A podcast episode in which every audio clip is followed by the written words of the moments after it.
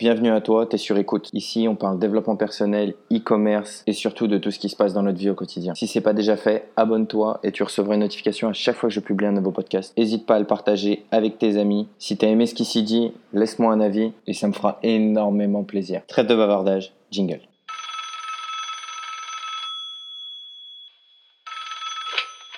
Allô, c'est toi? Quitte pas, t'es sur écoute.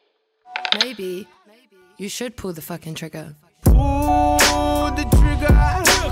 Ain't nobody gonna do for you. Pull the trigger. Miroir magique au mur, qui a beauté parfaite et pure. Salut à toi, bienvenue sur le podcast sur écoute.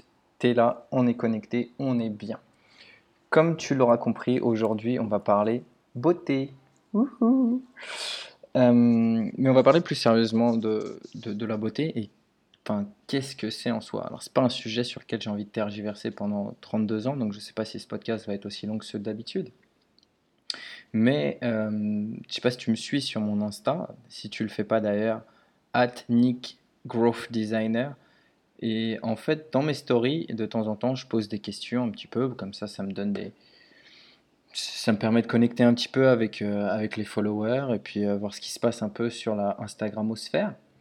Et la dernière fois, j'ai posté une question qui était euh, Est-ce que vous aimez votre corps? Voilà. Parce que j'ai posté une photo de moi où euh, je souris et je déteste mon sourire.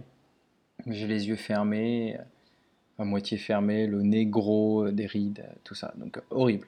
Donc j'ai dit Voilà, je pose la question et je demande Moi, je déteste mon sourire. qui a une partie de son corps qui déteste lui aussi Et 80%, 87% même des réponses étaient moi aussi, il y a une partie de mon corps que je n'aime pas. Alors ça partait de euh, j'aime pas mes pieds, à j'aime pas mon sourire, à j'aime rien chez moi. Et je trouve que c'est un phénomène de société qui arrive assez fréquemment. Et pour être un coach en développement personnel, où la plupart du temps on me demande de bosser sur la confiance en soi, le fait de s'aimer ou de ne pas s'aimer, je pense que ça peut vraiment impacter cette confiance en nous qu'on gagne ou qu'on perd. Alors moi, certes, je disais que j'aimais pas mon sourire, mais bon, je prends pas de photos de mon sourire ou très peu, mais ça me dérange pas de sourire en public ou, enfin voilà, je, je sais que de toute façon, c'est pas moi qui le vois mon sourire, donc je m'en fous un petit peu. Et si les gens l'aiment pas, bah, ils, ils me côtoient pas en soi, donc c'est pas un problème.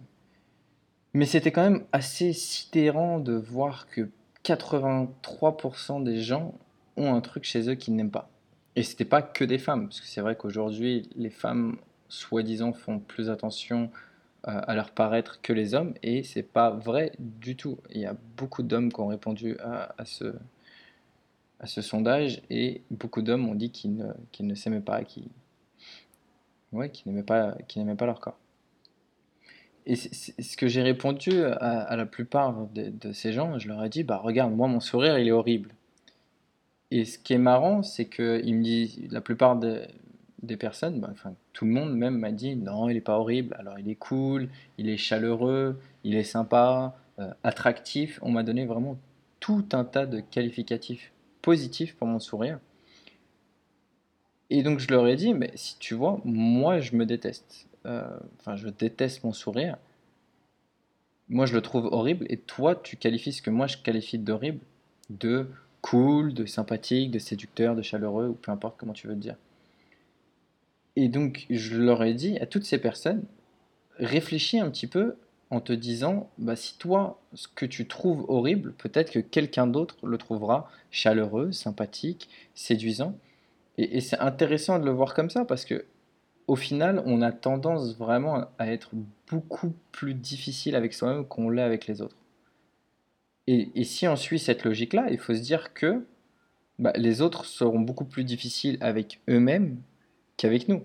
Donc, euh, je sais pas si t'aimes pas tes pieds, donc il y en a une qui met pas ses pieds, bah déjà je lui dis ça va parce que tu mets souvent des chaussettes et des chaussures, donc euh, j'imagine que ça doit pas te troubler pour autant, mais c'est vrai que ça peut être gênant quand elle arrive dans un moment intime, cette personne, et qu'elle doit euh, se déshabiller et montrer ses pieds, et si elle n'a pas confiance en elle, ça me rappelle un peu un film avec Eddie Murphy, je crois que ça s'appelle Boomerang, un vieux vieux film, où il va draguer une fille et euh, tout d'un coup ils arrivent au lit et il voit ses orteils, il hallucine et je crois qu'il a du mal à sortir avec elle à cause de ses orteils, un truc comme ça.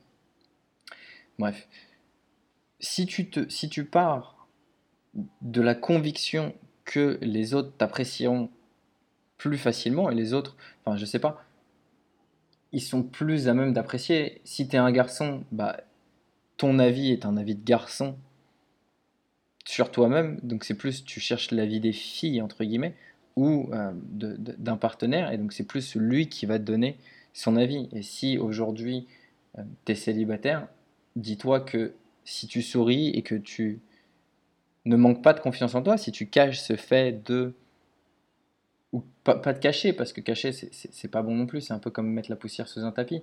Mais si tu te focalises plutôt sur, au lieu de te dire moi je suis pas beau, te dire lui il est super beau, et tu le laisses faire euh, ce jugement, ou elle, elle est super belle. Enfin, si tu laisses faire l'autre personne le jugement sur toi et que toi tu, tu te concentres sur elle, il y aura beaucoup plus de chances que ça accroche. Aujourd'hui, on vit dans une société où tout est régi par les réseaux sociaux. Et, donc, tu regardes des photos où des filles sont super bien foutues, des gros seins, un gros cul, des abdos. Euh, les mecs sont euh, bodybuildés avec des grosses voitures, des grosses. Euh, enfin, et, c'est assez choquant de, se dire qu'on est arrivé dans un monde où on stéréotype un peu tout parce que, au final, on veut tous adhérer à ces à ce genre de clichés, à ce genre de critères, si je peux dire. Alors que au final, bah, moi par exemple, j'aime pas les filles qui sont grandes. J'aime pas spécialement des, gros seins ou un gros cul. Enfin voilà, je, m'en fous un peu de tout ça.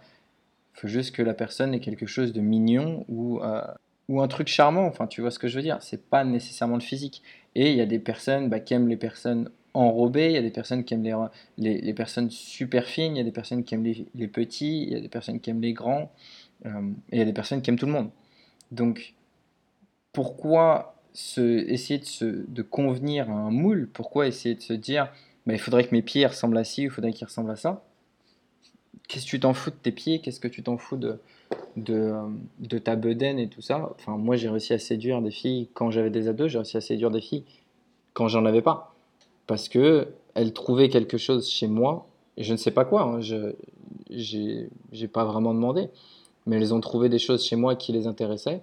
Donc ça fait que moi, je n'ai pas à me soucier de, de, ça. Moi, je me soucie plus sur qu'est-ce qu'il y a chez elles qui m'intéresse. Tu vois ce que je veux dire?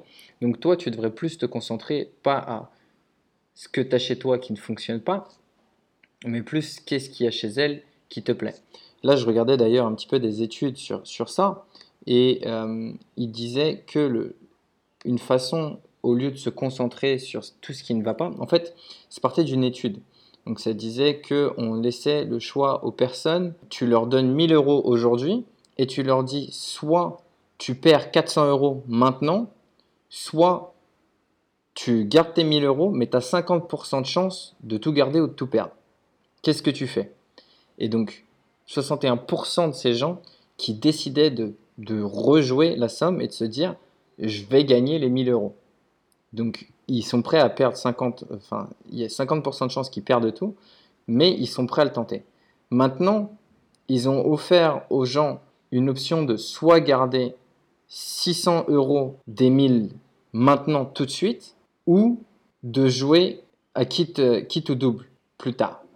Et il y a 43% des gens qui ont décidé de jouer.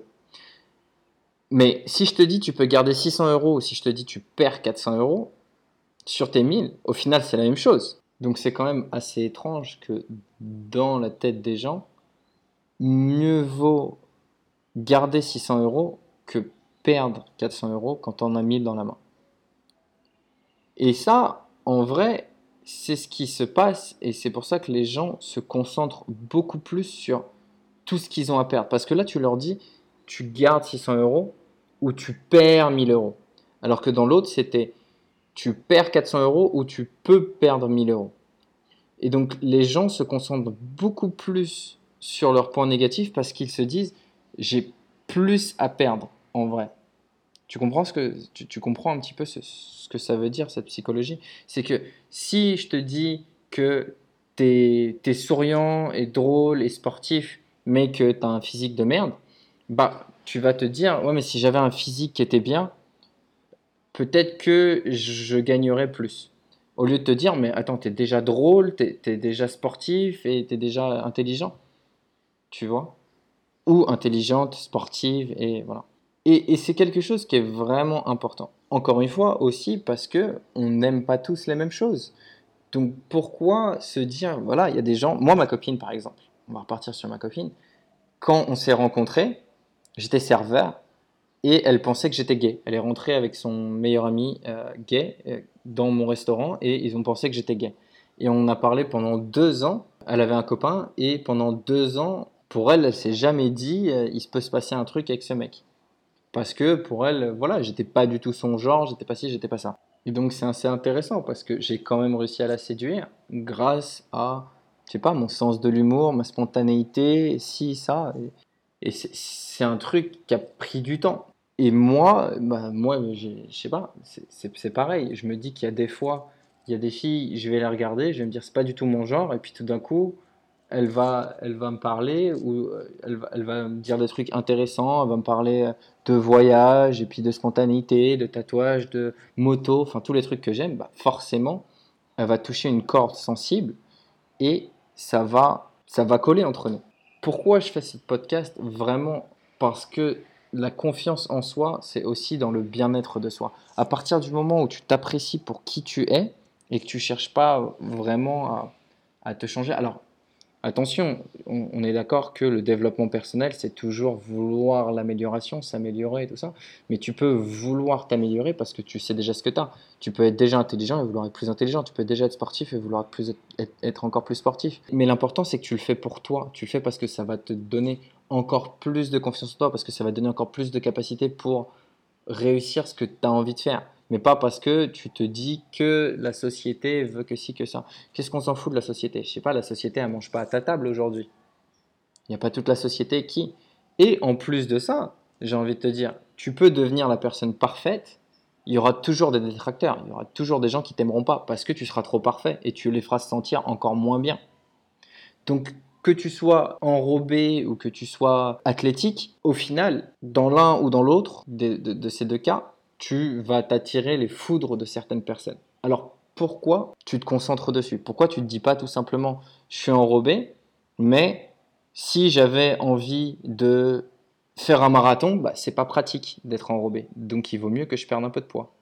Si euh, je suis athlétique et que j'ai envie de manger des pizzas tous les deux jours et des burgers et je sais pas, tu, c'est peut-être un mauvais exemple parce qu'une fois que tu es athlétique, en général, tu es bien, tu es en bonne santé et tu as confiance en toi.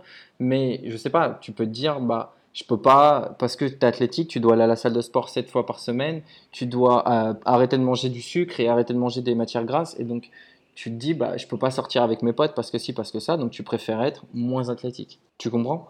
Choisis vraiment pourquoi tu veux devenir plus athlétique, pourquoi tu veux devenir moins athlétique, pourquoi tu veux passer plus de temps aussi, ça pour toi, pourquoi ça va te faire sentir mieux? Parce qu'à partir du moment où tu t'enlèveras ce truc de devoir être meilleur par compétition, à droite ou à gauche ou un truc comme ça, tu vas avoir plus confiance en toi. Alors attention, c'est toujours aussi bien de savoir où est-ce qu'on se situe, surtout sur un, niveau intellectuel et Enfin, je sais pas, tu veux devenir sportif de haut niveau, tu veux devenir, tu veux avoir le niveau de Cristiano Ronaldo. Si tu t'entraînes comme moi au foot, bah, t'es pas prêt d'y arriver. Donc, si tu passes ton temps à faire, à, faire autant de sport que moi en, football, parce que je fais du sport maintenant, attention, je fais de la boxe.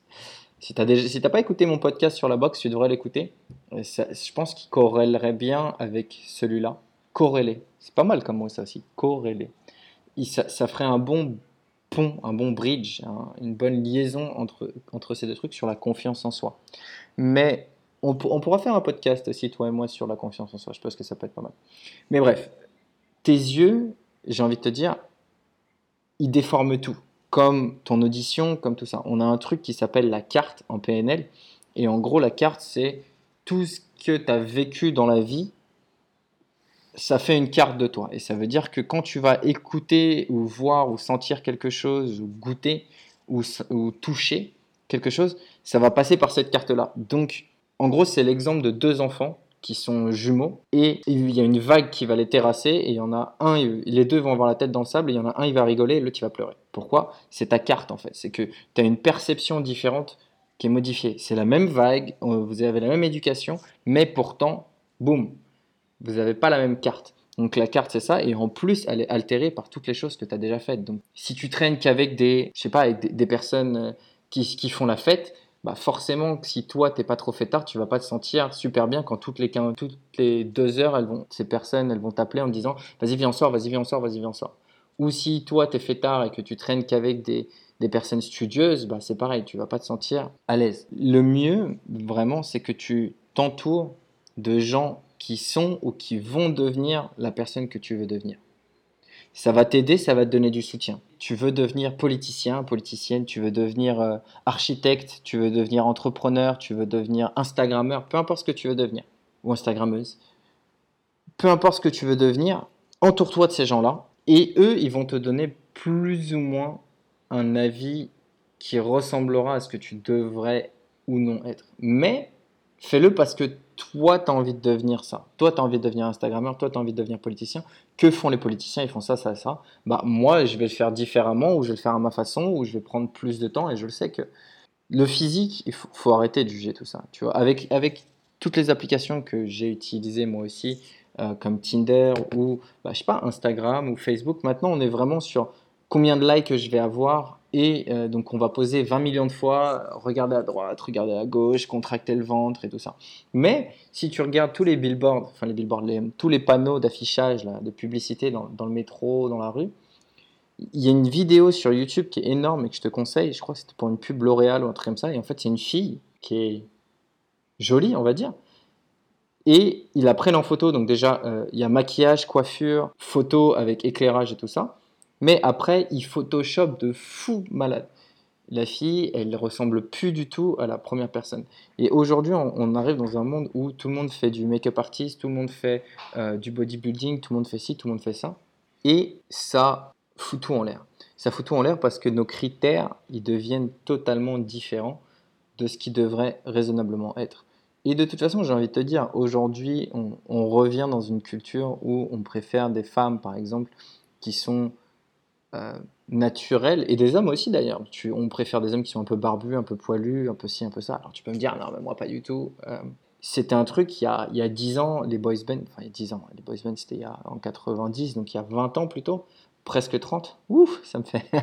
Je viens de prendre un coup de vieux là d'un coup.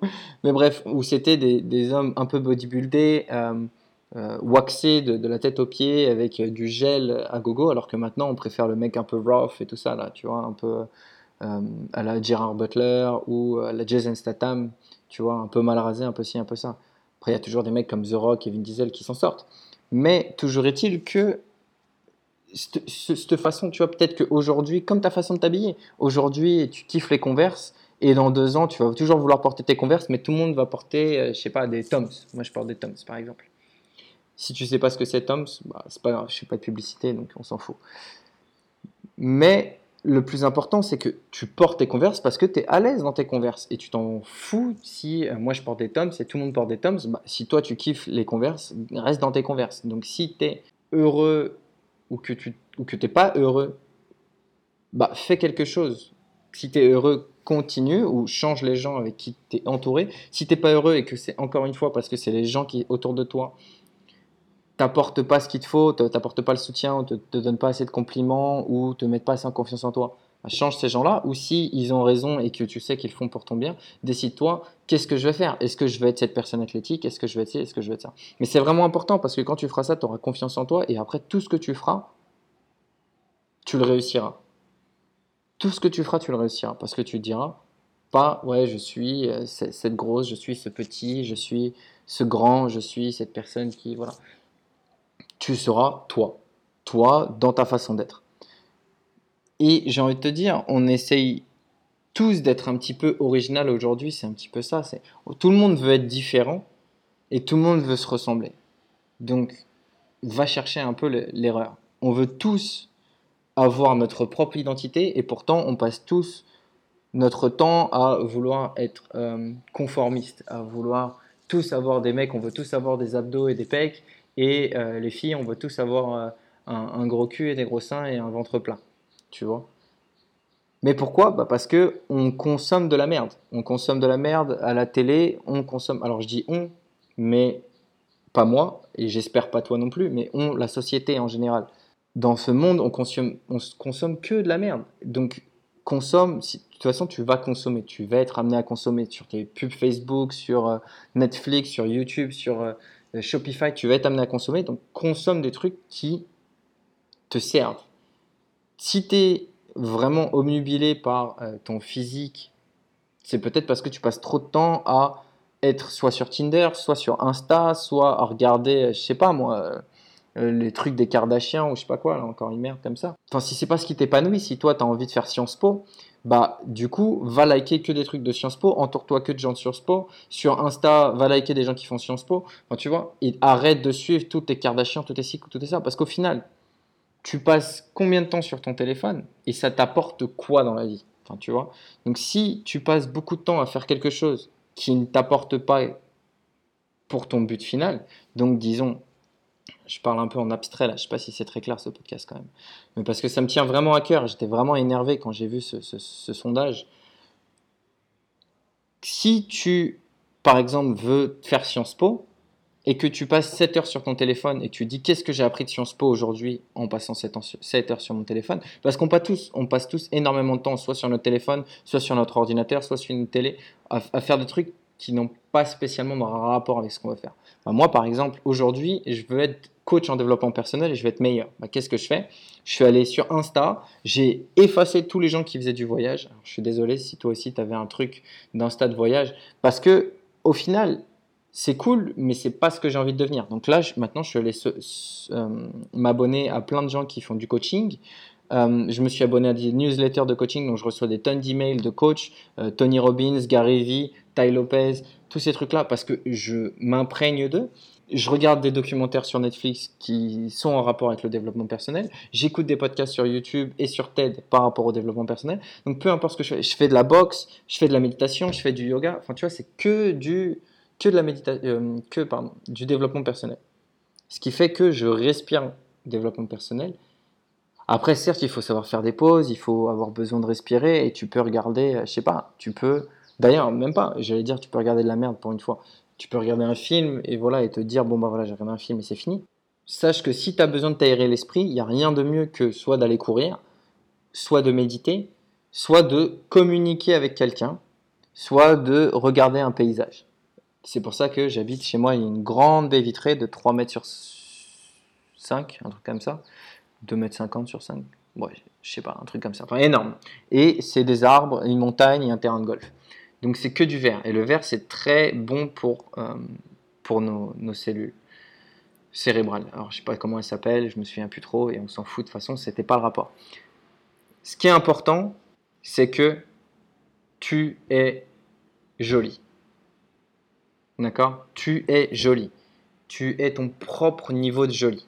On s'en fout. Comme tu es ton propre niveau d'intelligence, comme tu es capable de faire des trucs. Et voilà. Et si tu n'es pas heureux dans ton corps ou dans ton esprit, devine pourquoi tu l'es pas. Est-ce que parce- est-ce que c'est parce que tu tu t'inspires ou tu ou tu t'imprègnes d'informations qui ne sont pas bonnes pour toi Ou est-ce que c'est tout simplement parce que tu manges ou que tu as un niveau de vie, un style de vie qui ne te correspond pas et donc qu'est-ce que tu vas faire pour en changer?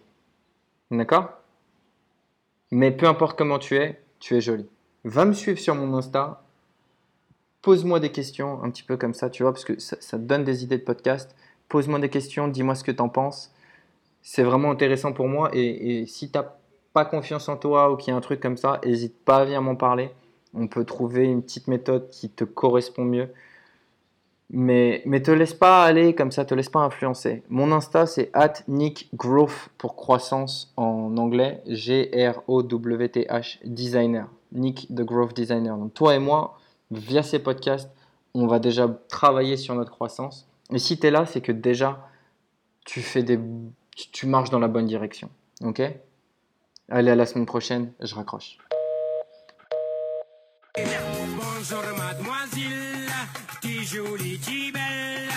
Bonjour mademoiselle, t'es jolie,